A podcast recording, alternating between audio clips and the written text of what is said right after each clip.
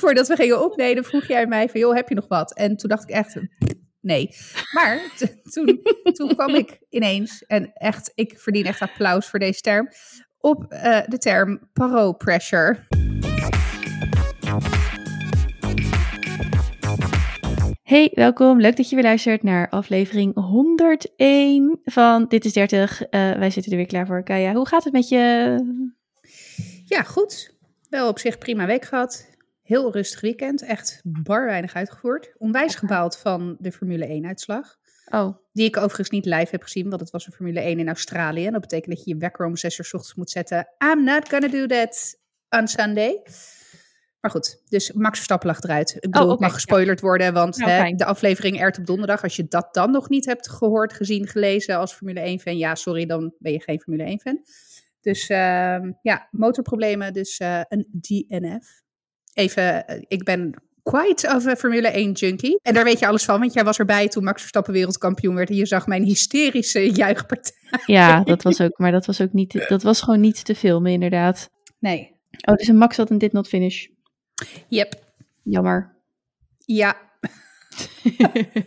maar weet je wat het is? Ik heb dit jaar wel iets meer ijzers in het vuur. Oh. Want zijn grootste tegenstander dit jaar is eh, Charles Leclerc, onze monegask. En eh, die rijdt voor Ferrari. Dus ik, eh, die heeft dus, dus ook gewonnen. Dus ik heb wel weer heerlijk mee kunnen blerren met het Italiaanse volkslied. En toen zei ik op een gegeven moment ook, ik zeg, joh, weet je wat? Als het Max dan niet is, dan maar Leclerc in een Ferrari.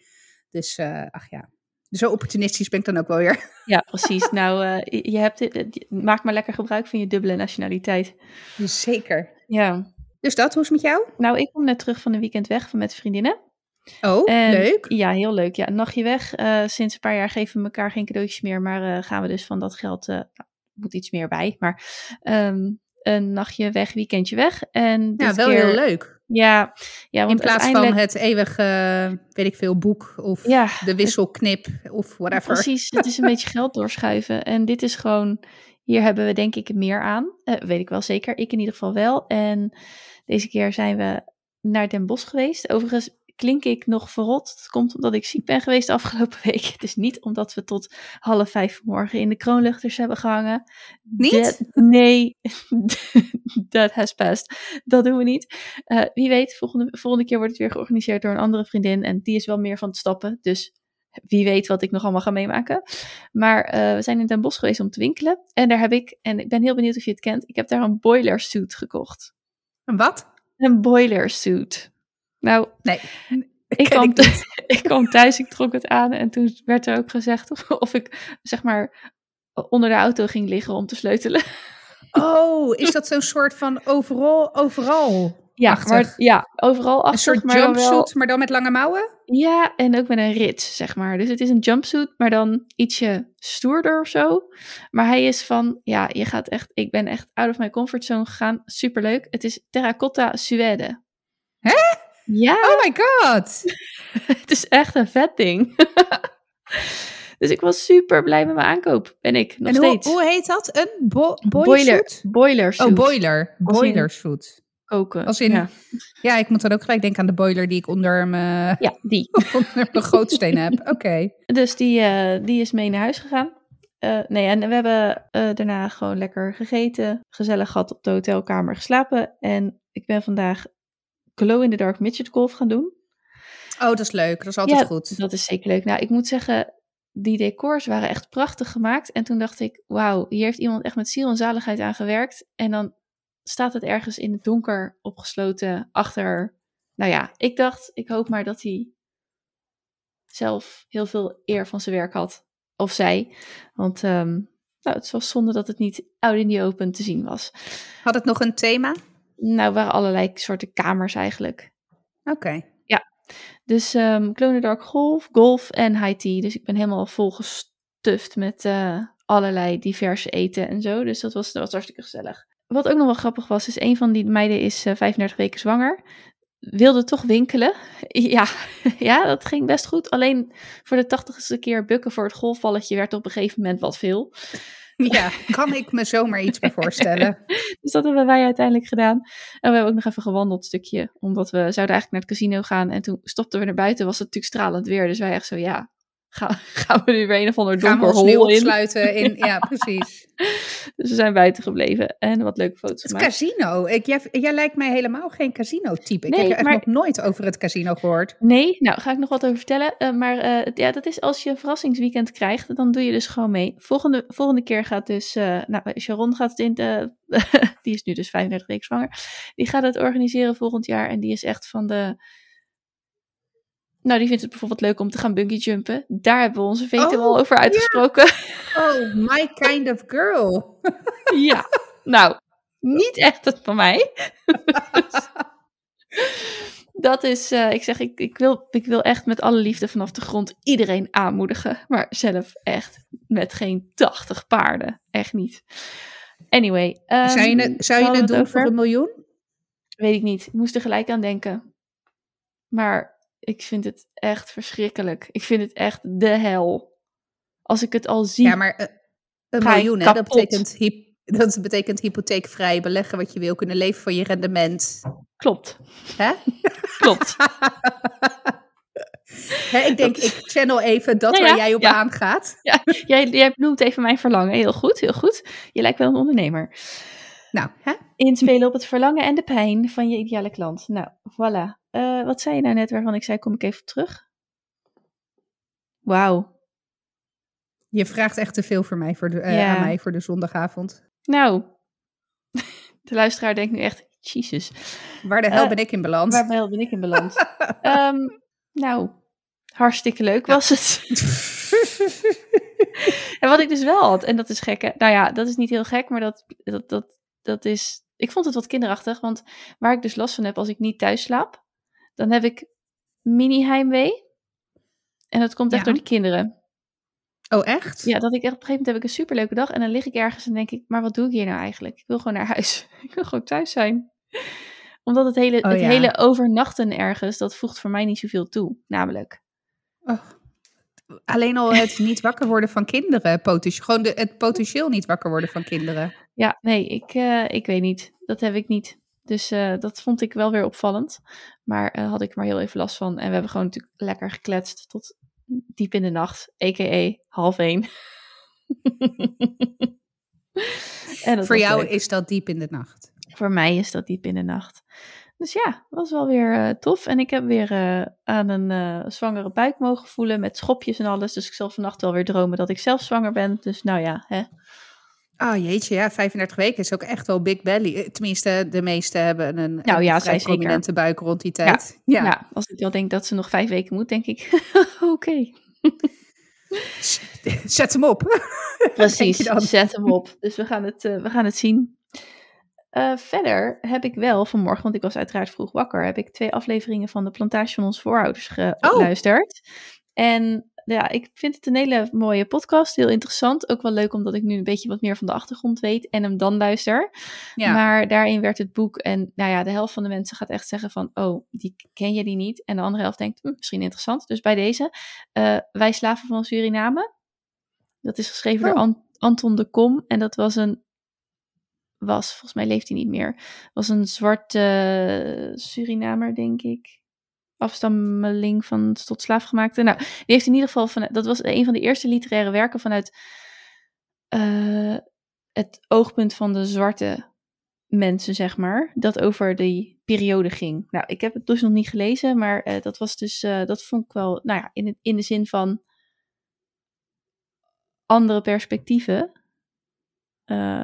En het is voor een grote gemeenschap van mensen een heel belangrijk werk ook. Dus nou, die heb ik in ieder geval gekobo plus.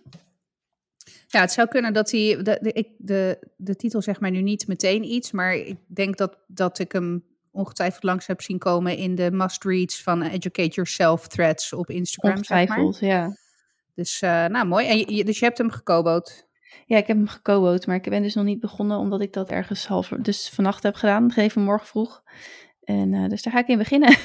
ja, Voor de meeste natuurlijk mensen is, de vanochtend vroeg van Eileen equals midden in de midden in nacht. de nacht. Ja, precies. Ja. ja, ik was half zeven wakker. Viel me nog mee. Nou, wat ik, Oh, dat valt zeker Nou ja, mee. ik was om vijf uur al een keer wakker, maar eh, toen ben ik toch Oh in ja, slaap gevallen. zeggen. Mm, mhm. Oh, nou ja. Dus cool. En eh, hoe vaak heb jij het nieuwe liedje van Kinderen voor Kinderen al gehoord? Nul keer. Oh. Nou, het is wel leuk Denk, hoor. denk ik. Het- voor de Koningsspelen, ja, het, ja, het lied van dit jaar. Ja, ja. Nou, hier is het. eh, nou, het is wel. Het, ik vind het altijd wel aanstekelijke liedjes. En ze hebben leuke dansjes. En die kinderen doen dat wel mee. In ieder geval hier thuis. Dus ik denk, nou, fijn.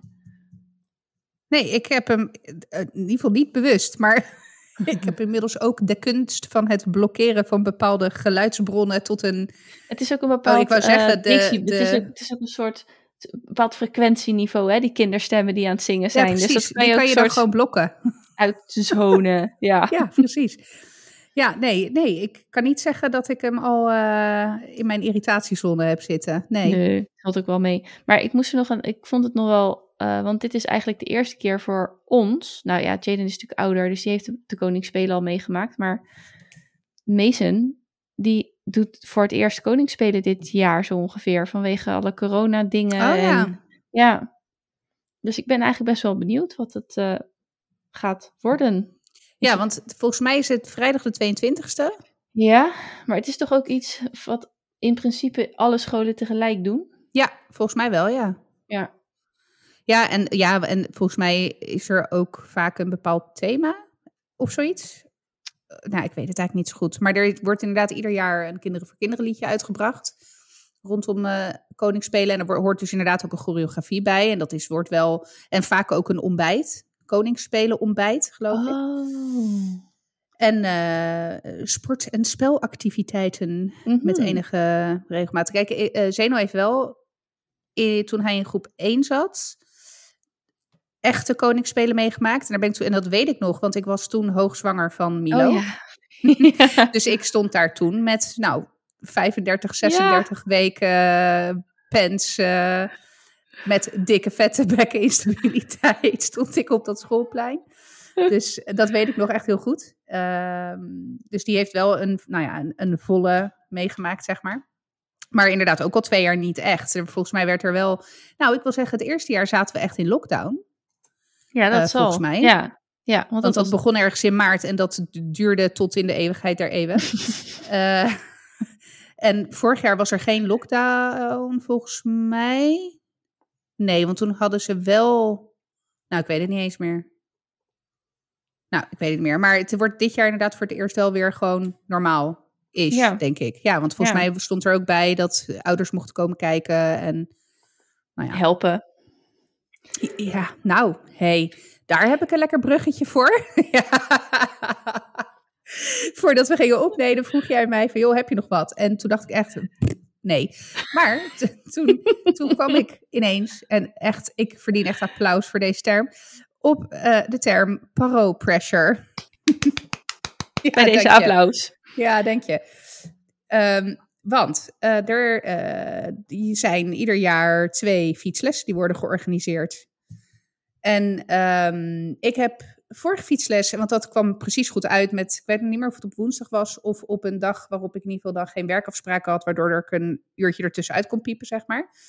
Ehm, dus toen heb ik inderdaad heel braaf, eh, dacht ik, nou laat ik ook eens, zeg maar, niet de loedermoeder oordopjes eh, figuur zijn, maar laat ik ook eens een keertje proactief helpen. Dus ik heb al dit jaar mijn steentje bijgedragen aan het fenomeen fietslessen. En nu, eh, ik denk anderhalf week geleden, bij Paro heb je dus de optie dat de juf een activiteit aanmaakt en dat jij jezelf dan kunt aanmelden met een handje als Ja. vrijwilliger. Kom je Dus, helpen met eh, vrijwilligers. Juist, Staat er dan. dat. Precies. Eh, dus, eh, nou, dat had ik gezien. En ik dacht, ik heb wel meteen gekeken, want ik vond het vorige keer ook echt eigenlijk best leuk om te doen. Ondanks dat het toen echt met bakken uit de hemel Volgens kwam. mij heb Maar je daar nog een foto van mij laten zien. Dat je inderdaad Ja. echt druk bezig was, maar echt verzopen Ja, was. echt tot aan de onderbroek, dames en heren. Dus ik vind dat ik daar zelfs extra kudo-punten voor verdien. Maar goed, dus eh dan komt er zo'n berichtje. Dus ik had, het, ik had gekeken, alleen eh, doen ze het eh, morgen op maandagochtend. Nou, en ik heb morgenochtend twee vergaderingen, dus ja, sorry, gaat niet. Dus ik dacht verder met mijn leven. Maar op, ik krijg freaking iedere dag die, dat bericht gepusht vanuit Paro van... Hè, er zijn nog vrijwilligers nodig, bla bla. Dus ik denk iedere keer, ja. maar op een gegeven moment voel ik me een soort van... Nou, bijna oh, nou ja, niet bijna. Ik voel me gewoon een soort van ongemakkelijk. Dat ik denk, oh ja, maar terwijl ik weet dat het niet naar mij toe gericht is, persoonlijk natuurlijk, want het gaat gewoon naar de hele klas. En, eh, maar op een gegeven moment voel ik me echt een soort van pressured into op dat handje klikken. Nou, en toen kwam er vanavond ook nog een, uh, een appje in die freaking motherfucking groepsapp. Uh, juf heeft morgen nog twee mensen nodig om te helpen. Wie komt? Ik vind gewoon dat je de optie, zeg maar, dat je gewoon een vinkje achter je naam moet hebben staan als je al je steentje hebt bijgedragen en dat ze je daarna gewoon niet meer lastig vallen. maar is het meer, dan is het, het is echt, ja, het is echt pressure, het is echt een soort schuldgevoel. Nou, dat heeft. Je, bent, je, je hebt een verontschuldigende blik ook in je. Uh, ja. Ja. Laat me met rust. Ja. Nou, je het liefst in een hoekje willen gaan huilen in Feuthouding? Nou, dat ja, precies. en weet je wat het is? Kijk, als ik nou niet die twee vergaderingen had gehad morgen, dan was ik echt met alle liefde en plezier komen, komen helpen. Maar ja, ik ga geen vergadering ervoor verzetten. Dat, Nee. dat, sorry, dat gaat me echt ver. Ik ben wel gewoon aan het werk. Ja. En ja, ik werk wel gewoon nog voor een baas die mijn salaris iedere maand betaalt. Dus hè? Jij hebt tenminste salaris iedere maand. Ik niet. Nee, ja, ik heb inderdaad, dat zijn een van de weinige zekerheden. Nou ja, ja wel, wel, ik werk voor een, een zeer groot bedrijf, dus ik kan wel met enige zekerheid stellen dat ik iedere maand mijn salaris uitbetaald krijg, ja. Dus, uh, dus ja, ik, ik, had, ik was op een gegeven moment echt vertiefd. Ik denk, joh, schrot op met je. Ik had echt bijna zoiets van, ik ga dat parro van mijn telefoon afflikkeren. Uh, in ieder geval totdat die fietsles is geweest. Ja, excruciating schuldgevoel. Maar het is ook, ik kan me best voorstellen dat je het tweede keer doet. Want als ik bijvoorbeeld al iets heb, dan laat ik het even gaan. En op het moment dat er echt stront aan de knikker is en ik kan het Ja. verzetten, dan is zeg maar zo'n tweede, misschien derde oproep wel oké. Maar op een gegeven moment is het, ja, het is ook een beetje wat het is. Ja, maar ik weet het niet zo goed. Heb je dan. Hoe, hoe lossen ze het dan eigenlijk op? Is, gaat dan die fietsles niet door? Wordt die verzet? Ja, natuurlijk niet. Want eh, heel eer- nou ja, nee, dat denk ik niet. Want als ik kijk naar vorige keer, toen waren er drie hulpouders en de juf. Nou ja, en de juf die was een beetje aan het rondlopen. te- en, want de groep wordt dan in drie groepen verdeeld en er zijn drie oefeningen en dan rouleer je, zeg maar. Oh ja, of tenminste, ja. de kinderen rouleren van oefening naar oefening.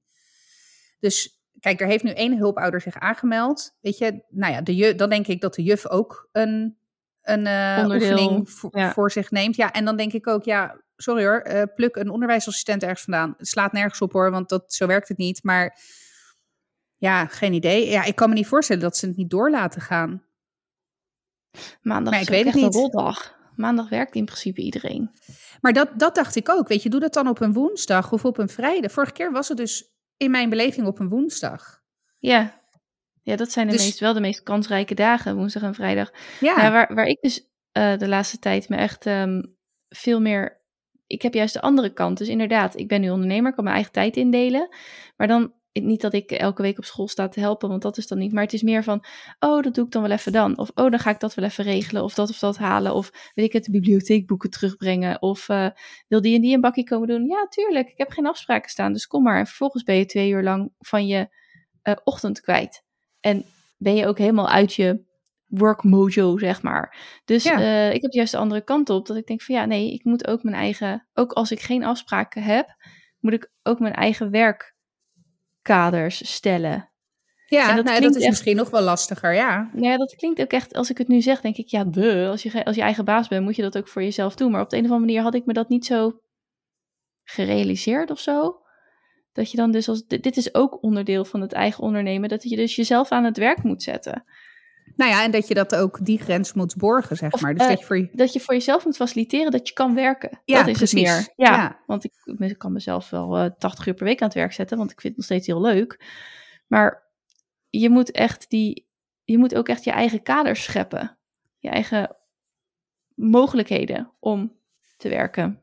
Ja, dat is, en dat als je het hebt ook, en dan denk ik misschien iets te ver door hoor. Maar als je, kijk, als je voor een baas zo gezegd werkt, dus voor een werkgever, dan ehm, denk je daar in principe niet echt bij na. Want je bent die commitment aangegaan. Hè? Je hebt gewoon eh, je werkuren, dus punt. Je gaat werken.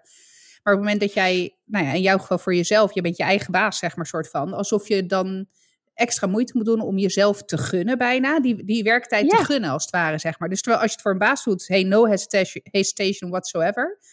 Terwijl als je het dan voor jezelf moet doen, dan eh, voelt dat ineens een soort van gekkig of zo. Ja, omdat je dan, nou ja, je hebt dan toch, je hebt, je hebt sowieso geen reden bijna om nee te zeggen tegen een Ja. activiteit, zeg maar, hele, in, de, in de breedste zin van het woord. Dus je zou, hoe je in je werkafspraken, ik weet niet, staat het in- ik denk niet dat het in je contract, in je arbeidsovereenkomst staat, hè, de dagen die je werkt, misschien. Maar goed, Mm, ligt, dat- Het ligt eraan, maar in principe niet. Nee, Nee, je de zou basis eigenlijk niet. met jezelf een soort con- werkafsprakencontract moeten maken van ik werk van die en die, die op die, die en die dagen van die en die uur, van Ja. die en die uur. Nou, huh? Eh, van dan tot dan, nou oké, whatever. Ik werk dan en dan, zodat je met jezelf een soort van die afspraken maakt. Maar dat klinkt ook heel erg schizofreen. Omdat je dan iets met Je- jezelf gaat afspreken. Ja en nee. Nou, waarom? Nee, waarom? Ik bedoel, waarom is dat schizofreen? Ik denk dat dat best gezond is of zo. Of Oh. dat je goed... Nou ja, in ieder geval goed om je er wel van bewust te zijn. Want het is natuurlijk een hele, hele tricky valkuil. Want je doet het één keer, je doet het twee keer. En voor je het weet... En, en dat is het ook, hè. Als je eenmaal dan een soort van de go-to girl bent... Whatever, hè, in de klas. Of, Ja. En je gaat dan ineens weer nee zeggen. Dan denken mensen, huh? Ja, dan moet je ineens daar nou? weer, dan moet je ineens weer een soort ergens een grens leggen die je niet goed Ja. duidelijk hebt neergelegd. Precies. Ja. Dus nou, Dus als je dat gewoon voorcontracteert, hè, je stakeholder managed, je stakeholders managed, en dat jij dan je eigen stakeholder bent, ja, eh, fuck it. oh ja, dat is waar. Ja, niet, niet nader te noemen stakeholder. Ja, precies. Dus, nou, Ik, goed, wil jij dat proces voor mij eventjes uitschrijven en Ja eh, hoor, je. implementeren? Dan eh, Ja, zou ik ja. dat heel erg prettig vinden. Want heb jij een gezellige kat bij je in beeld? eh, deze, ja, ja, die is, ik, eh, ik moet trouwens met haar naar de dierenarts. Waarom? Nou, ze doet een beetje gekkig. nee, dat is niet, dat is niet waar. Nee, nou, ik moet heel erg zeggen, ik loop daar eigenlijk al een paar weken tegenaan te hikken. Eh, even voor het beeld, Kika naar de dierenarts brengen, daar moet ik ongeveer een maliënkolder voor aantrekken om daar heel uit, uit de strijd te komen. Echt waar? Oh, Dat wist ik Ja, helemaal nee, niet. dat is echt, dat is echt trauma om er in die reiswieg te krijgen. Ja, altijd al zo geweest, ja. Ach, reisbier. Dus ja, ja, hoe heet dat? Reismand. Reismand heet dat, hè? Ja. nou ja, hè? Ehm, maar goed, het is eh, begonnen eh, een paar maanden geleden dat ze ineens wat vaker dan normaal ging kotsen. Hm. En eh, ook ineens veel meer ging drinken. Nou, het is eh, een oud beestje, ze is 15. Dus nou, ik moest gelijk denken, nieren, whatever, eh, diabetes. Weet je wel, daar, dat zie je ook vaak bij oudere katten terugkomen. Maar goed, dan is dat twee, drie dagen gaat het kut. En daarna gaat het gewoon weer echt als een pareltje. Dus dan denk ik, oh oké, nou ja, het zal wel, weet je. Misschien, misschien hebben katten ook wel het norovirus of zo. Oh ja. Oh, ze zitten me ook echt aan te kijken nu. Ja, we hebben het over Ja. jou. Ja, we hebben het over jou, Kiek. Ja. Dus, ehm, hoe heet het? Eh, maar goed, die, die episodes komen steeds vaker terug. En wat ik nu dus eh, merk, is dat ze ook heel veel haar aan het verliezen is. Hm. Maar ze, heeft echt, ze begint echt kale plekken te krijgen op haar, eh, op haar vacht. Nou, en als er iets is wat bij haar altijd in pristine condition is geweest, is wel haar vacht. Dus ja, weet je, ik, ik moet gewoon met mijn billen bloot, mijn maliënkol eraan en met haar naar de dierenarts. Ja, maar ben je bang dat het iets, iets ernstigs is? Is dat wat, Nou. je, wat je ook... Is dat, dat, Ja, Ja. ja. eigenlijk wel. En we hebben wel al, want ik heb het er ook al wel met Frank over gehad, Ja. weet je. ehm, kijk, stel dat het er nieren zijn, heel, heel vaak, of in ieder geval vaak, is dat ook op te lossen met speciaal eh, voer. Eh Ja. takken duur, maar prima, weet je. Als dat het is, dan willen we dat echt nog wel doen. Maar goed, stel dat het inderdaad diabetes is, ja, dan moet je dus eh, insuline gaan toedienen. en Weet ik wat allemaal voor ellende. Eh, nou, ik kan je vertellen, vlooiendruppels moet ik ook mijn maliënkol ervoor aandoen. eh, eens in de drie maanden. Dus dat, dat gaat niet, weet je, en daar heeft zij zoveel stress van. Eh, dus we hebben wel ook al bedacht van, nou, hè, stel dat er echt we te maken krijgen met, nou ja, ik noem het maar even invasieve medicatietoediening. Ja. Ja, misschien dat het dan ook gewoon haar tijd is. Maar goed, en dat wil ik dan natuurlijk wel zo lang mogelijk ergens uitstellen. Want ja, Ja. Ja, maar dat is, eh, dat is het ook. Ik heb er zelf nog geen ervaring mee eh, met eh, echt, nou ja, wel met dat de huisdieren overlijden, maar die, die, die waren, dat was een kat van vier. En niet, niet uit ouderdom, zeg maar. Maar ik heb wel vanuit verhalen het idee dat op het moment dat je gaat, dat het ook, dan heb je zo'n, nou, zo'n diagnose. En dan is het eigenlijk al duidelijk van, ja, je kan natuurlijk doorgaan, maar in principe is levensverlengend werken niet echt nou, inslapen dus. En dat het dan ook ineens heel snel gaat of zo. Dat je ineens de, de volgende dag Nou, is daar klaar. Nou ja, dat is wel, dat, eh, weet je, eh, geen idee. Ja, ik heb wel uh, mijn hond in moeten laten slapen. Of tenminste, het was dan de gezinshond. En ik heb daar echt nog steeds, nou, ik schrik echt, de tranen wellen ook gewoon weer op. Ja. Ik, en en ik, dat is, dat was Siggy. Nou, hoe lang is dat geleden? Ik denk een jaar of 13, 14 geleden dat we hem in hebben moeten laten slapen. Nou, traumatisch. En dat was echt heel liefdevol, want de dierenarts is zelfs bij ons thuis gekomen toen. En uh, nou, hij heeft dus uh, zijn, uh, zijn, ja, zijn spuitje, want zo wordt dat dan genoemd, gewoon ook thuis gekregen. Dus hij is thuis overleden en toen hebben we hem naar een crematorium gebracht. En dat was echt, oh, hadden ze helemaal een soort van altaar, hadden ze hem dus in een hondenmand gelegd en helemaal in een soort van, nou ja, altaartje noem ik het maar even. Dus dat was ook echt super schattig, maar tegelijkertijd ook super surreal. Ja. En, uh, ja, en dan ben je ineens je maatje kwijt, zeg maar. Uh, dus ja, en bij, bij Ziggy wisten we wel hoor dat het eraan zat te komen. Uh, en ja, mede doordat hij thuis is ingeslapen, heb ik nooit zo dat plotselinge gevoel gehad of zo. Mm, ja. Wat, je, ja. wat je er net schetste.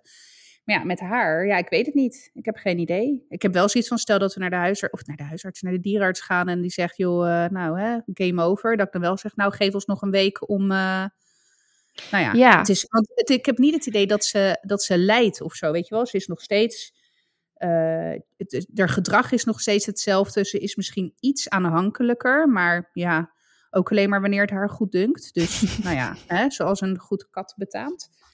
Maar ik Het heb is niet een, het idee eh, dat, ze, dat ze er enorme eh, last van heeft. eh, van haar, nou ja, wellicht lichamelijke klachten. Dus ja. Maar goed, ik weet niet zo goed of katten dat aangeven als ze pijn hebben of als ze niet Weet lekker ik zijn. niet. Of...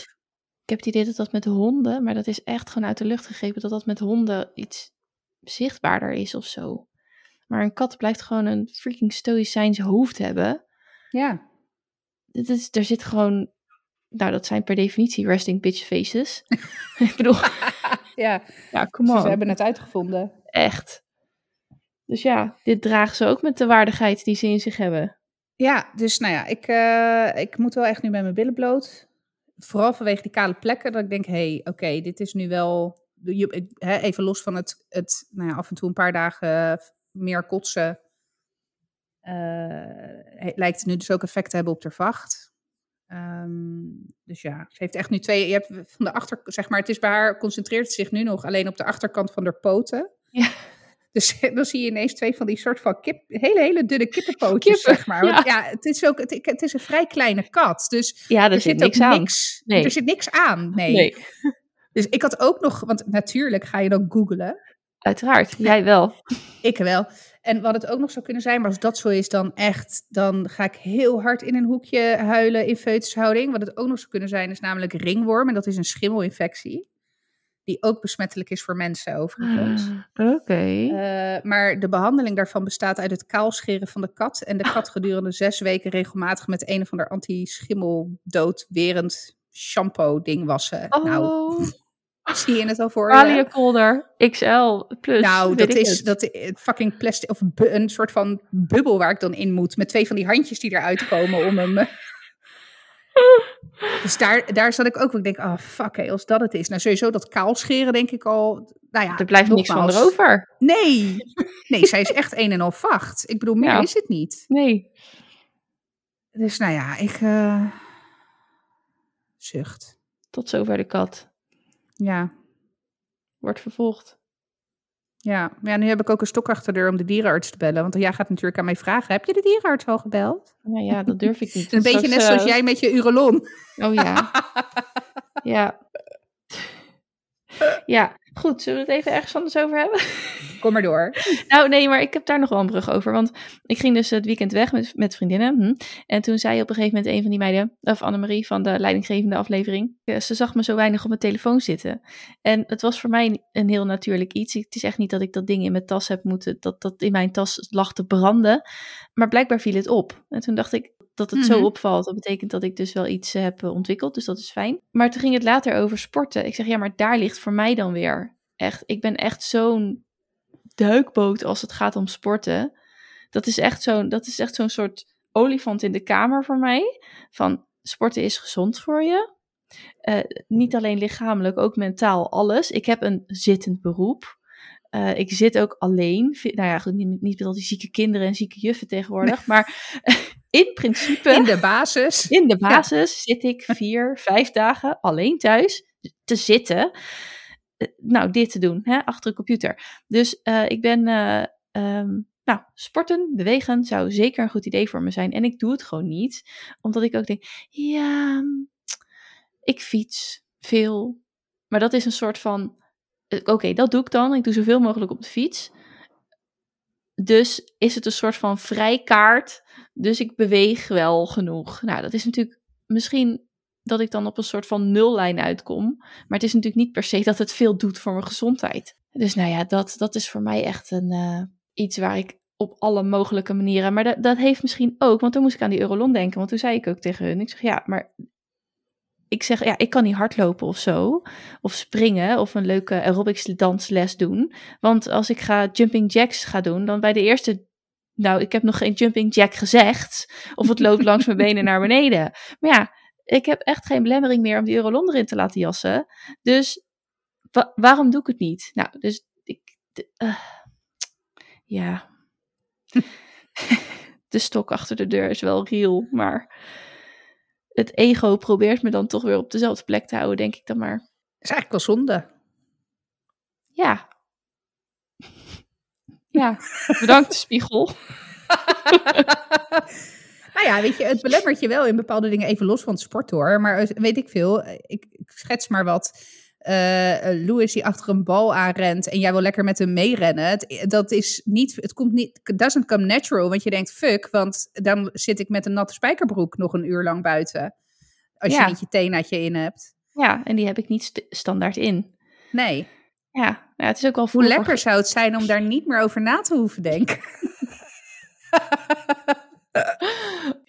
nee, dit is, uh, jullie, jullie hebben allemaal helemaal gelijk. Dus ik uh, staat genoteerd. maar goed, speaking of sporten. Ja. Uh, Frank die was vanochtend een rondje gaan uh, skaten, gaan inline skaten weer. Mm -hmm. En ik heb mijn inline skates, die was ik al jaren kwijt. En mijn ouders hebben de, of zijn de schuur aan het verbouwen, verbouw, verbouwen, jezus, verbouwen. en daar kwam ik dus mijn oude skates tegen. Dus ik was helemaal in de gloria totdat ik zag wat er in gegroeid was in de afgelopen acht jaar. Toen dacht ik, nou, nee, deze gaan echt linea recta de zwarte bak in. Dus, uh, Ze werden dus- bewoond? Dus, nou ja, ik, ik, ik, ik uh, echt de rillingen lopen langs mijn rug. Ik heb geen idee wat, er, wat voor ecosysteem zich erin had ontwikkeld. Maar ik ging in ieder geval zeker mijn hand en al helemaal mijn voet niet erin stoppen, zeg maar, om weer een stukje te skaten. Maar goed, dus, uh, maar goed, Frank die was dus vanochtend gaan, uh, gaan, uh, gaan skaten. En ik ben dus ook, weet je, ik ben nu twee maanden ben ik, aan het ketoen. En dat gaat echt super goed. Weet je, ik voel me er lekker bij. Ik heb geen idee of ik ben afgevallen. Ik ben heel bewust, in ieder geval niet in kilo's, want ik ben heel bewust niet op de weegschaal gaan staan toen ik startte. En ook daarna nooit meer op een weegschaal gaan staan. Want ja, ik kan het toch nergens mee vergelijken. Dus nou, en aangezien ik een, een, best wel een historie heb met eetstoornis, was dat ook, een, ook echt een hele bewuste keuze. Ik merk het wel aan mijn kleding, weet je. Uh, to be honest, dat ik gewoon, dingen zitten gewoon net even iets lekkerder. En ja, ik zei het vanmiddag of vanavond tegen Frank. Ik zei ja, het is misschien een heel suf voorbeeld. Maar ik merk het ook bijvoorbeeld bij het aantrekken van mijn sokken. Er zit minder in de weg. Oh ja, maar ik zie het ook wel hoor. De... In mijn, in mijn ja. Uh, gezicht, ja, ik, ik zie het niet. Maar goed, dat zie je nooit van jezelf, denk ik. Maar ik merk het wel aan mijn, aan mijn kleding. En dus dat ik niet meer nou ja, weet je, als dus eh, volle vrouwen die dus een buik hebben, jullie weten wat ik bedoel. Dat als je zeg maar je sokken aan wilt trekken, dan zit er gewoon vet in de weg. En dat is helemaal prima als je je daar prima bij voelt. Maar het is gewoon minder prima als je daar minder prima bij voelt. Nou, ik behoor tot die tweede categorie mensen. Dus, nou, anyway, daar uh, voel ik het dus aan. Maar wat ik dus, want ik heb eerder keto gedaan. Alleen uh, de eerste keer dat ik keto deed, heb ik het ook uh, gecombineerd met best wel intensief sporten. En dat heb ik deze keer niet gedaan. En ik had wel zoiets van, oké, weet je, nou, dat, dat, dat keto-dieet is somewhat under, of nou niet somewhat, is eigenlijk heel goed uh, under control. Weet je, ik hou het nu al twee maanden vol en ik ben het ook echt niet zat. En ja, weet je, gaat echt prima. En dus ik ben nu op het punt dat ik denk, oké, ik, ik denk dat ik nu ook wel toe ben. Ik ben ook, denk ik, wel wat kilo kwijt. Dus eh, ben ook fysiek wat beter in staat om dan ook weer te gaan sporten. En toen zag ik dus vanochtend Frenke op zijn skates. Dacht ik, nou, eigenlijk is dat wel heel erg prima. Ik heb altijd vroeger veel geskate. Ik vind het leuk om te doen. Ehm, dat is voor mij echt, nou ja, een leuke manier van bewegen. Want ik ga echt never nooit meer naar een sportschool. Daar heb ik gewoon, ja, vind ik zo, één zonde van mijn geld. Twee, ik ga toch niet. Dus, nou ja, hè. Uh, dus toen was ik uh, het wereldwijde web opgedoken. op zoek naar nieuwe skates. Nou, ik ben nog echt geen donder opgeschoten. Want Jezus Christus, wat zit daar veel verschil tussen? Nou ja, maar ik wou eigenlijk vragen, wat is het verschil tussen inline skates en skilers? Oh, geen idee. Nou, daar weet, weet ik al niet. Oh, nee. Maar je hebt met drie wielen, met vier wielen, zonder rem, met rem, met 18 mm wielen, 13 mm wielen. Ja, weet ik veel wat ik ik wil gewoon... Recreatief en leuk een beetje skaten. Ja. ja. Nou, en, en ook, weet je, ze variëren van 60 tot 200 euro. Ja, weet ik veel. Ik denk dan, ja, als ik die van 60 euro koop, dan heb ik van die nachtmerries dat je van die harde plastic wielen oh, eronder hebt, weet je ja. wel. Die zo... Maar je moet wel van die zachte, dat je zo zoomt ja, zo over het wegdek. Ja, ja, dat. Uh, oh, goed, dus helemaal ik, een soort ASMR van. Ja. Ja, dus, uh, dus ik, ik zit nog even in de rabbit hole over welke. Want natuurlijk ga ik dan weer allerlei reviews en blogs en weet ik wat allemaal. Wat zijn de beste inline skates? En ah, dan maak ik het mezelf ook weer veel te moeilijk. Maar goed, het zijn ook geen dingen die je dan. Weet je, dat zo'n aankoop doe je dan één keer. Nou ja, mijn vorige skates heb ik ook, weet ik veel, tien jaar mee gedaan of zo. Ja. En het is dat er nu gewoon het overgrown was met een of andere bacterie. Waardoor ik dacht: oké, doe maar niet. Dus nou ja, dat. Dus ik heb nog geen skates, maar ik denk wel dat ik ze ga kopen. In de hoop dat ze niet een of in een of ander stoffig hoekje belanden, omdat ik er nooit meer iets mee doe. Nee, maar als je al weet dat je het ook leuk, leuk vond, vindt. Ja. ja, dat zegt bij mij ook niet alles hoor. Hmm. weet je wat het is? Ik vind het altijd heel moeilijk om dingen te starten. Om überhaupt activiteiten. En dat kan variëren van inline skaten tot gewoon s'avonds koken. Of naar de wc gaan. Ik bedoel, ik vind gewoon ik vind het gewoon heel moeilijk blijkbaar. Ja, misschien moet je het gewoon als een procesmanager aanvliegen. Wat is ja. stap 1? Opstaan. To get, to get off my fat ass. Ja, precies, precies. Nee, maar ik ben wel echt de master procrastinator. Dat is echt mijn second nature gewoon. Uitstelgedrag. Uitstellen. Ja, dat is echt zo. Dat is echt zo. Terwijl ik, ik haal altijd mijn deadlines. Altijd. Vraag ja, niet dat, hoe. Maar dan ben je, word je ook extern geprikkeld. Ja, dat is waar. En nu moet je het voor jezelf doen. Ja, nou, dan komen ja, Hou je wel van jezelf. Zullen we het eens even over zelfliefde gaan hebben? Zo, huppatee, de coaching. Jij bent nu de coachie. Hatse plat. Die heb ik mooi af van me afgeschoven. Uh, over dus coaches gesproken. Ik ga gewoon bruggen de hele aflevering oh, door. Hoor. Ja. Ik heb um, voor mijn andere podcast, Podcast for Your Business, heb ik uh, een stemcoach gevraagd. Barbara de Bruikeren. Oh, ja. cool. Dus ik heb gevraagd of zij met mij een aflevering wil opnemen. Nou, dat wilde ze. Dus super tof. Nou, dat gaat over een paar weken gebeuren. Wat zij toen zei, en dat is tof. Uh, toen zei ze, wil je anders ter voorbereiding een keer op de hot seat stemcoaching? Zij is, ken je Clubhouse nog? Zeker, ja, ja. Nou, zij is dus uh, nog steeds Clubhouser. Clubhouser, okay. ja. Geen idee. Dus zij zit er nog op. En zij doet dus elke vrijdagochtend uh, stem power, stempower coaching noemt ze het geloof ik. En daar kan je dus op een hot seat en dan word je dus nou, ten overstaan van de dan aanwezige luisteraars, word je dus gecoacht op je stem, op je okay. klank. Dus dat, is leuk. dus dat uh, vond ik een supergoed idee. Ook als uh, voorbereiding. Natuurlijk gewoon ook leuk om te doen. Ik ben heel benieuwd. Ja. En dat gaat mm, plaatsvinden op de Koningsspelen. Dat was ook het punt. Uh, ah. 22 eh, april. dus ik heb op die dag heb ik om kwart over tien stemcoaching. En om één uur podcastcoach. Heb ik een coachie, zeg maar. Dus dat zijn ook mooie. Dat, eh, wanneer kan ik dan? Nou goed, anyway. Maakt niet uit. Sidestep. Kwart over tien, vrijdag 22 april. Clubhouse. word ik live gestemcoached. Wat lachen. Ja, ik ben heel benieuwd. Ik denk wel dat, ze, dat ze me een aantal uh, ja, snelle quick tips, gouden dingen, laaghangend fruit, weet ik het wat kan geven. Ik vermoed dat het iets te maken heeft met mijn volume en mijn, de hoogte van mijn stem. Mijn liefje, lievige, heb ik een lieve, ik heb het idee dat ik een beetje te, niet te, dat ik lief praat. Maar... Ja, je hebt, wel, je hebt wel een zachte intonatie. Maar ja, ik vind het heel prettig om naar jou te luisteren. Dat is ook, maar goed, dat komt ook gewoon omdat ik het nog steeds na drie jaar een, een walgelijk fenomeen vind om naar mezelf te luisteren. Dus ik concentreer me bij het terugluisteren van onze aflevering altijd vooral op wat jij te, te melden hebt. Zodat ik me niet kapot erger aan hoe dingen mijn strot uitkomen. Maar, ik, vind dat toch, ik, eh, maar ik vind dat toch wonderlijk, hè? Na drie jaar nog steeds. Ja, nee, en, en nog net zo erg als de eerste aflevering. Bizar. Ja, ja, ik moet ook geloof ik maar nooit een televisiecarrière ambiëren. Want ik denk dat als ik mezelf terug moet zien, dat ik dan al helemaal uh, ja, zeg maar in een soort van paniek ga. In deze moet je jezelf wel terugluisteren, omdat je de nieuwsbrief maakt. Ja, precies. Ja, ja dus is het... ja, dus dat is mijn stok achter de deur. Ja. nou, ik doe het nog steeds met heel veel plezier en liefde. Ja. Maar um, ja, nee, dus even terugkomend op jouw stem, want we hadden het over jou. Oh ja. Uh, ik, nee, ja, ik, vind, ik vind je een hele prettige stem hebben om, uh, om naar te luisteren. Maar hij is wel, de intonatie is uh, zacht. En dat, dat, dat zal ook ongetwijfeld te maken hebben met je, gewoon met jouw eigen stemgeluid die wat hoger is en je volume. Maar ook wel met het timbre, is dat dan of zo, weet ik veel? Ja, nee, dat, is, dat is de combinatie van de twee. Maar nou, ik denk ook de manier waarop je gewoon spreekt. Dat je Kijk, ik heb een vrij harde G bijvoorbeeld. En een vrij harde R. En, ja. Uh, en dat is bij jou wat zachter. Ja, ja mijn R is sowieso non-existent. oh, dat was nog ja, een soort van een goeie. nee. Dus, maar ik, ik, ben wel heel benieuwd naar de, naar de tips ja, uh, die ja, ze heeft. Dus dat is wel weer een, uh, een leuke stap verder weer. En dan een week later of twee weken later hebben we dan echt uh, de podcastopname. Dus super tof. Leuk. Ja. Heb jij de verwarming al op 19 gezet? Op 19? Hij staat bij ons altijd op 18. Oh.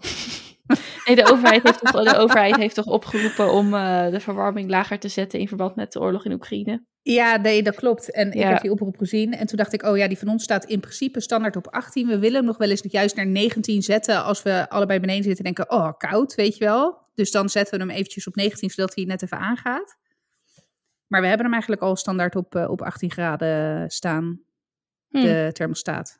Ik moest ook wel lachen, want ik ging dus uh, mijn... Uh, ik zit bij Vattenval.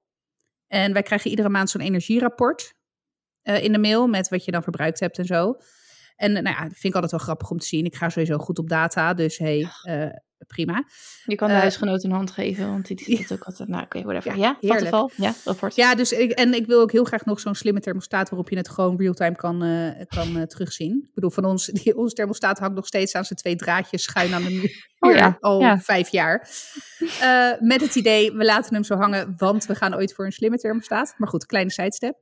Anyway, um, en dat hele Oekraïne-verhaal had me natuurlijk wel enigszins getriggerd. Althans, de, even los van de oorlog, maar dat hele energieprobleem en die kosten en zo. Dus ik dacht, ja, volgens mij is het, wordt het ook wel tijd voor mij om te kijken of ik nog goed zit met mijn termijnbedrag. Dus, um, dus nou ja, ik, ik ging mijn meterstanden zeg maar doorgeven, want dan konden zij doorrekenen zeg maar wat dat, of je dan nog uh, aan par was met, uh, met hoe je termijnbedrag stond. En ik betaal nog steeds te veel per maand, dus dat was wel fijn. Ja. Dat, oh. dat heb ik altijd bewust gedaan. Maar ik ben altijd boven mijn advies gaan zitten, omdat ik altijd zoiets heb van ik krijg liever wat geld terug dan dat ik ineens uh, een, rekening moet, een rekening moet betalen. Maar goed, dus de, de, terugkomend op dat 18 graden. Ik heb dus ook niet. Bij ons staat verwarming ook niet zo heel vaak aan, moet ik zeggen. Zeker als je winters hebt, zoals deze winter, wat geen noemenswaardige winter was qua kou. Ja, uh, heb ja, ik daar niet zo last van. En hoe, hoe, hoog staat hij bij jullie dan? Ja, uh, als ik thuis ben, heb ik het altijd koud. Dus dan zit ik al met twee truien aan. Dus twee keer lange mouwen. En dan moet hij gewoon. Uh, dan, meestal staat hij op. In de winter stond hij op 20,5, denk ik. Uh, nee, ik denk 20 en dan gedurende de ochtend, dan, dan zet ik hem op 20,5, zodat hij weer aangaat, zeg maar. Ja. Ja, dus um, nu is dat ook wel iets anders, omdat het natuurlijk ook al voorjaar is. Maar ik heb het, ja, of, of, misschien is het ook wel zo dat hier, weet ik veel, dat er gewoon gaten in mijn dak zitten. Dat het, dat het warmte gewoon weggaat. I don't know. Maar um, ja, dat, ik heb het gewoon koud. En uh, dus nou ja, prima, gaan we wel iets mee doen. Maar de huisgenoot had het erover dat hij zegt van ja, nu is het dus sowieso 40 dagen nadat de oorlog is gestart. Ja. Had het niet eerder gekund. En we, houden, we hebben nu dit als aanjager. En terwijl het klimaat al een veel groter, dreigender iets is om dit soort dingen vanuit de overheid te initiëren. Ja. Dus ja, het, het voelt ook een beetje krom of zo. Dat je denkt van ja, en maar goed, het is niet echt een constructieve, als ik het nu zo zeg, denk ik bij mezelf, niet echt een constructieve houding. Maar dat, ik kan me wel voorstellen dat dat ook wel irritatie oproept, ook wel bij groepen mensen. Tuurlijk, nou ja, zeker mensen die dus inderdaad al jarenlang proberen om, om klimaatdoelstellingen en überhaupt klimaatproblematiek hoog op de agenda te krijgen. Ja, en dan is er nu een of andere idioot die zijn buurland bombardeert. En dan kan het allemaal ineens wel, omdat ineens de energie uh, ja, nou ja, dus schaarser wordt. En, ja, eh, dan heeft het een economische ja. Uh, trigger gekregen. Ja, maar dat is toch, weet je heel eerlijk, dat is toch nog steeds de, de voornaam, het voornaamste waar de maatschappij om draait. Ik bedoel, de, de maatschappij is toch nog steeds, wordt toch nog steeds vanuit economisch belang en economisch oogpunt ja, maar het is wel gedreven, zeg maar. Economie is wel korte termijn. Ja. En dan denk ik, ja, maar is het, wat, wat ik me dus wel eens afvraag, hè? Eén keer in de zoveel, één keer in de vier jaar kiezen we nieuwe mensen. Is er überhaupt wel eens iemand die, die verder dan zijn eigen termijn redeneert? En dan zijn ze de eerste twee jaar misschien nog inhoudelijk bezig, maar dan beginnen natuurlijk alweer een beetje de, ja, we moeten wel weer herkozen worden over twee jaar. Die, dit, is er, zou er, is het niet een systeem dat zichzelf op die manier ook vergiftigt, weet je wel? Tuurlijk. Ik weet niet of en dan het heb je ook nog... om iemand voor tien jaar te kiezen, maar dan heb je wel iemand die, die in ieder geval acht jaar strategisch vooruit kan denken, zeg maar. Ja, kijk, ja, je eens. Wat je alleen wel natuurlijk ziet, is dat op de ministerie... Kijk, de, de volksvertegenwoordiging wordt ieder vier jaar natuurlijk herkozen.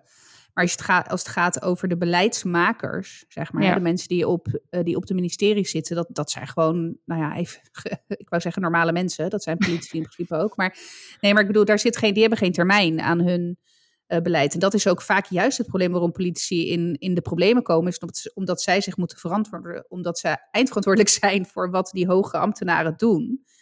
Uh, terwijl zij, dat zie je nu ook weer, weet je, zo'n minister die dan net pas op zo'n post zit. Ja, en dan moet hij, dan moet hij de shit van voor, de voorganger uh, moet hij dan zich voor verantwoorden. Terwijl uiteindelijk zijn het de topambtenaren op die ministeries die dan de shit veroorzaken. Dat is even vanuit het negatief perspectief. Ja, precies, Als je kijkt vanuit, vanuit vooruitgang en lange termijn plannen. Kijk, dan, dan zou je toch hopen dat er op ministeries wel dat je te maken hebt met een lange termijn plan. Alleen, ja, weet je, het punt is zeker als er een grote verschuiving is van de macht binnen de, uh, de volksvertegenwoordiging, ja, dan matcht natuurlijk de beleidsplannen die zijn gemaakt op een vorig kabinet, matchen natuurlijk niet meer helemaal met hoe het nu is. Alleen als je nu kijkt naar de afgelopen, nou ja, weet ik veel, 10, 20 jaar politiek, dat is vrijwel dezelfde samen. Ja. Uh, of tenminste, het is vrijwel dezelfde coalities is geweest. In ieder geval, het is allemaal redelijk centrum-rechts geweest, al heel lang. Dus ze hebben al echt heel lang de tijd gehad om voor te bouwen op hun voorgangers. Juist. op en, de, ja, de ingeslagen wegen. Ja, en als je kijkt naar de, de uh, energietransitie, of in ieder geval de, probleem, de problemen die dat met zich meebrengt. Ja, weet je, ik noem maar een dwarsstraatkern, uh, kerncentrales. Weet je, dat iedereen die is er altijd heel erg bang voor, hè, omdat ze dan aan een Chernobyl en een Fukushima denken. Maar het is nog steeds een van de meest schone, schone en pure energievormen die er zijn. En dan is nu iedere keer het, de belemmering van ja, maar daar hebben we pas over 30 jaar wat aan. Dan denk ik, ja, als je dat 30 jaar blijft zeggen, dan zijn we over 30 jaar nog steeds daar. En dan duurt het nog steeds 30 jaar voordat we ergens zijn. Soms moet je gewoon iets gaan doen. En ik heb geen idee of, of kernenergie de oplossing is hoor. Ik heb daar echt veel te weinig kaas van gegeten. Maar ik vind wel dat het heel makkelijk wordt gedismist, zeg maar, als, uh, als schone energiebron. Ja. Ja, en het is, nog ook, het is ook nog eens, je krijgt veel meer energie. Het komt een enorme, in vergelijking tot hoe we nu energie opwekken, komt er op die manier enorm bak energie vrij. Nee, dat is echt, uh, ja, dat zou een hele mooie oplossing kunnen zijn. Maar er zitten natuurlijk allerlei andere haken en ogen aan. Maar ja, wat je zegt, dat je moet, iemand moet daarmee beginnen. Maar op het moment dat je zegt van ja, over 30 jaar zit ik hier niet meer, of weet ik het wat, liever, ja, daar voel ik een soort van discrepantie. Nee, maar het is sowieso toch allemaal korte termijn. Uh, dat, maar dat, dat is ook dat wat me uh, steeds meer tegen gaat staan aan, aan de politiek. En überhaupt moet ik zeggen hoor, ook aan commerciële organisaties. Dus, eh, en eigenlijk hoe we, en nou wordt het wel heel erg... De mensheid. hele, nee, maar serieus, hoe de hele wereld en hoe de hele maatschappij op dit moment zich heeft gevormd. Het is allemaal korte termijnvisie. Allemaal.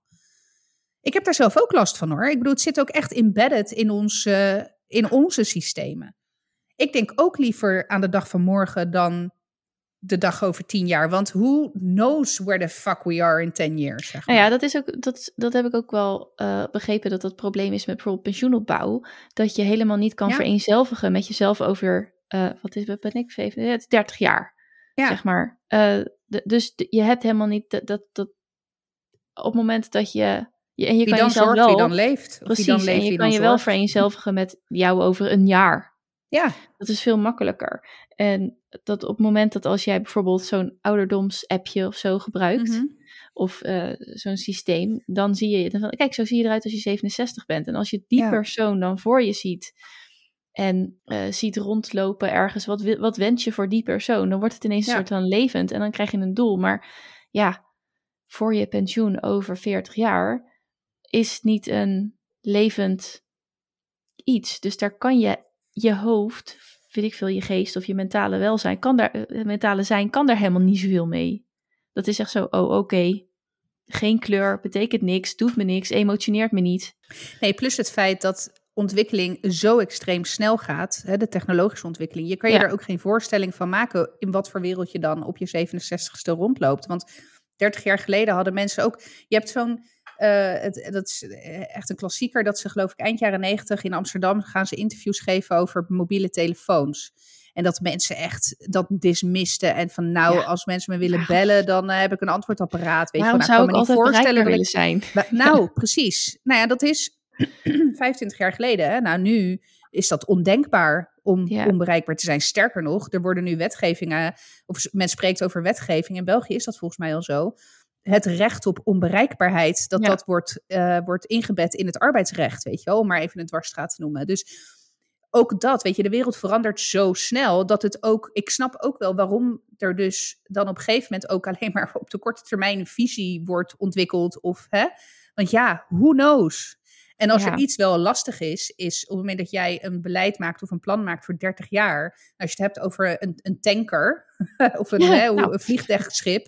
Nee, maar het is heel lastig. Of het, het is in ieder geval wel lastiger om koers te veranderen wanneer je een, een lange termijn visie hebt, dan wanneer je hè, dat wat korter, eh, die visie wat korter maakt, omdat je dan veel wendbaarder bent. En dat is wel wat deze maatschappij vraagt. Dus dat is het. En dat is zeg maar die vicieuze cirkel wat elkaar in stand houdt, in mijn Ja. ogen. Want als ik, als ik dan denk aan eh Covey, de zeven eigenschappen, die is heel erg van, baseer je nou op principes, want principes die veranderen niet. Nee, precies. Dus een principe Ja. als, ik kan, dit, dit is misschien niet helemaal de juiste, want ik weet ze niet uit mijn hoofd, maar een principe als eerlijkheid. En dat is iemand, je, iedereen weet wanneer hij, zij of die wel eerlijk is en niet eerlijk is. Ja. Daar kan je niet, daar verandert niks aan. Dus dat is een principe. Dus als je, dan zo zijn er nog een hele trits. Dus in plaats van dat je je waarde bouwt of je je leven bouwt op, op dingen die veranderlijk zijn, kies je voor die principes, zodat je de juiste eh, basis hebt. En dat geeft heel veel rust. Nou ja, dan denk ik, dan moet ik daar weer aan denken. Dat ik denk van ja, is het.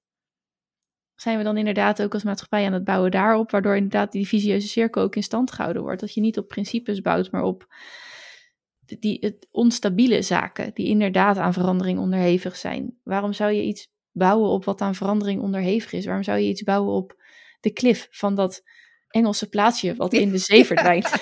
ja. Het is gewoon Ja. niet zo handig.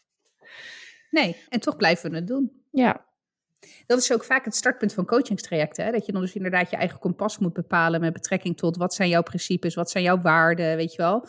En om dat dan ook te gebruiken om je gedrag eraan te meten, weet je wel. Past dit gedrag of past deze keuze die ik maak bij mijn eigen principes of bij mijn eigen belangrijke waarden, weet je wel. Daar, dat is bijvoorbeeld het stuk waar ik, ik ben er al meerdere keren aan begonnen met allerlei coachingsboeken die ik heb gelezen.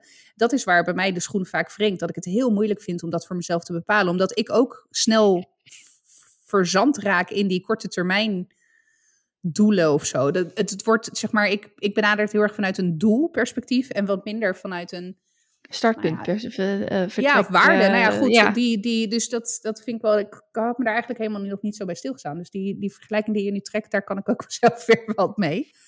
Maar goed, ik had niet de ambitie om ooit in het torentje in Den Haag terecht te komen. Dus eh, Hm, Ik denk, dat, ik denk dat wij allemaal en al onze luisteraars dat eh, sowieso interessant zouden vinden.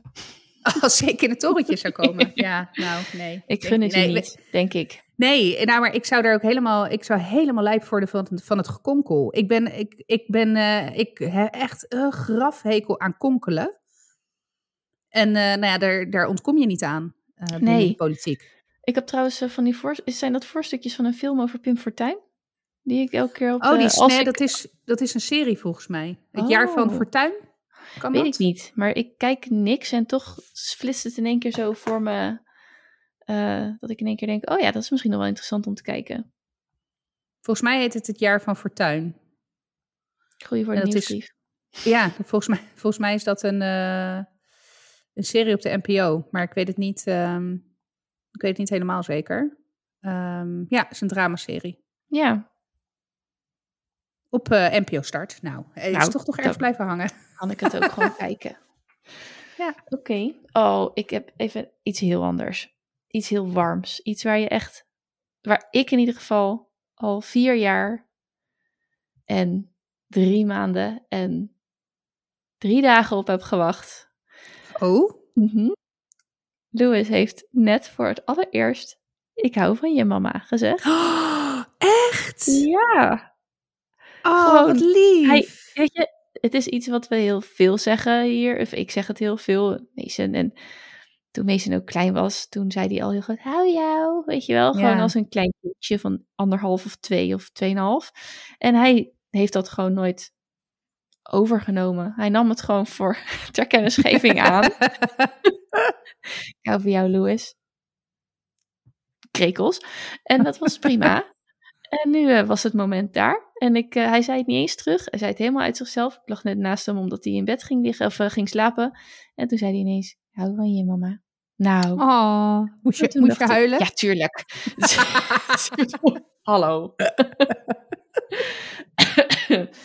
ik jank om alles. Ik bedoel, eh, hè? Ik had eh, mijn jaarlijkse WhatsApp-gesprek met, eh, nou, eh, Erwin van mijn, mijn jeugdvriendje. Nou, dat was natuurlijk ook alweer tranen met tuiten. Maar, oh, hij heeft de podcast geluisterd. Echt? Oh, wat ja, leuk. zeker. Ja, en dus dat was ook hartstikke tof. Nou, hij was er zelf ook wel door geraakt. Gewoon omdat we allebei hele warme herinneringen hebben aan die tijd. Ja. Dus ik zei op een gegeven moment ook van, dit is wel goed dat we nu gewoon... Ik vind het fijn dat we op deze manier gewoon af en toe nog contact kunnen hebben. Toen zei ik, ja, eh, het scheelt als je elkaar nooit wat nagedragen hebt. Nou, Ja, dat was echt een rake Dat zin. is, ja, dat klopt helemaal. Daardoor kun je dit gewoon forever blijven doen, zeg maar. Omdat je, er zit niks, geen ruis of zo. Dus dat, eh, dat was leuk. Nee, maar ik hou van je mama. Dus dat was een hele... Het is een mooie dag vandaag. nou, mooi. Ja, ik ehm, wil een nieuwe rubriek in het leven roepen. Geen idee of die blijven staan. Maar om aan het eind van de aflevering te vragen: waar kijk je naar uit aankomende week? Waar of hoe ziet naar- je week eruit? Je hoeft er niet Nou, per se naar uit te kijken. What's gonna happen in Gaia's life? Nou, genoeg. Ik heb dinsdag een afspraak bij de tandarts met Zeno. En dat was in principe een routineafspraak. Maar van de week heeft eh, broertje lief een ijzeren drinkfles op zijn gebit eh, stuk geslagen. Dus er is een stukje voortand afgevlogen. Ja, het is maar een klein, een klein stukje hoor. Maar de tandarts moet er wel wat mee. Dus ja, nou, kijk daar niet particularly naar uit, moet ik zeggen. Maar goed, het moet Nee. wel even gebeuren. En we hebben die middag eh, afspraak met eh Milo's zus. Dus dinsdagmiddag na drieën staat ongeveer in het teken van eh, ouderschap. Ja, Ehm, het thema. En verder werk ik veel deze week, want ik moet op woensdag, wat normaal gesproken mijn parttime dag is, moet ik ook training geven, wel online, dus dat scheelt. Ehm, dus ja, ik heb een volle agenda. Donderdag moet ik naar Eindhoven. Dus ik laat ik Oh. zo zeggen, waar ik naar uitkijk komende week is eh, vrijdagavond. en dat is Goede Vrijdag, hè? Heb je die al Ja, in ja, beeld? Nee. Kinderen Nee, ik weet wel. Ja, en, en donderdag is onderwijsdag trouwens. Wat? Ook Ja. postonderwijsdag? Eh, dat durf ik niet te zeggen. maar Oh, Zeno is in ieder geval en donderdag en vrijdag eh, niet naar school. Het is echt... Zeg ik dat ga nu- goed? Of is dat Oh. wacht even hoor, want voor hetzelfde geld is dat pas volgende, volgende week. En dan heb ik nu... Ja, ja. Nee, hè? Ja, Ja, donderdag, donderdag, vrijdag. onderwijsdag. Ja, Ja, schiet mij maar lek. dus. ik weet niet of dit een terugkerende rubriek moet Nee. Waar kijk jij uit komende luisteraars, wat vinden jullie? Reageer even op dit is 30gmail.com of dit een terugkerende rubriek moet zijn. De rubriek waarin Gaia de week bespreekt en Eileen denkt, oh, het was zo leuk. En nu moet ik hem omgooien. Aha, oké. Ik, ehm, eh, ik heb een werkweek, uiteraard. Ik heb morgen ook een podcastopname met een business coach voor mijn eh, podcast. Dus dat vind ik heel cool. En voor haar podcast ook. Dus Leuk. Ik ben heel benieuwd wat daar, want nu, ik neem altijd de podcasts af en nu ben ik te gast. Dat is, ik wou zeggen lang geleden, maar If ever. nou in ieder geval, ik ben één keer, wij zijn samen een keer in de Ja. podcast van Bastin geweest. En die, ehm, dat was volgens mij de enige keer. en toen was ik ook met jou. Dus dat is eh, leuk. Dat is maandag, dus is morgen. Ik heb op dag, volgens mij op donderdag, heb ik mijn, eh, een, Q- een, eh, een bijeenkomst van mijn EFD-traject. Dus daar kijk Leuk. ik naar uit. Ja, Ja. heel leuk. En ik heb dan die avond montagevaardigheden cursus. Die heb ik afgelopen donderdagavond ook gehad. Ja, Mhm. superleuk. Dus ik heb ook, dat, daar heb ik, ik had toen ik eraan ging beginnen, dacht ik op een gegeven moment, ja, ja, montagevaardigheden, ik heb er wel zin in, maar ga ik het echt gebruiken? Behalve dan dat ik zelf nog beter weet hoe ik moet monteren. Nou, super tof. ja ik oh, ging leuk. helemaal aan. Ja, en Goed, ik heb je ook- gaat sowieso wel aan op de technische kant ook ja, van, ja, en dat blijkt nu dus weer. En, ja. ja. Dus ik heb ook lekker veel vragen gesteld en ik kijk helemaal uit naar die, eh, naar, nou ja, naar, naar workshop 2 van 3. Dus Nou, dat, Is, leuk. eh, dat is cool. Daar kijk ik naar uit. En dan is het inderdaad blijkbaar onderwijsdag, Goede Vrijdag en Pasen. En Oh ja. Sj- Sjors werkt van voor tot achter zo ongeveer. Dus eh, ik ben veel met kinderen. Dus ook jij bent blij als het vrijdagavond is. Sort of. Ja. Oh ja, we gaan er wel weer wat leuks maken als het een beetje lekker weer is. Zou wel fijn zijn. Ja, dat zou wel helpen, ja. Dus eh, oké. Cool. Kunnen we afsluiten of wil je graag nog iets hoor. meegeven, wijsheden en zo? Nee, nee, eigenlijk niet. Oké, dan gaan we hem afsluiten. Lieve luisteraars, onwijs bedankt voor het luisteren. Heb je je nog niet ingeschreven voor de nieuwsbrief? Doe dat dan even via de link in de show notes. En als je wil reageren zonder nieuwsbrieflezer te zijn, kan dat natuurlijk ook. Kun je ons gewoon gezellig mailen op ditis30.gmail.com.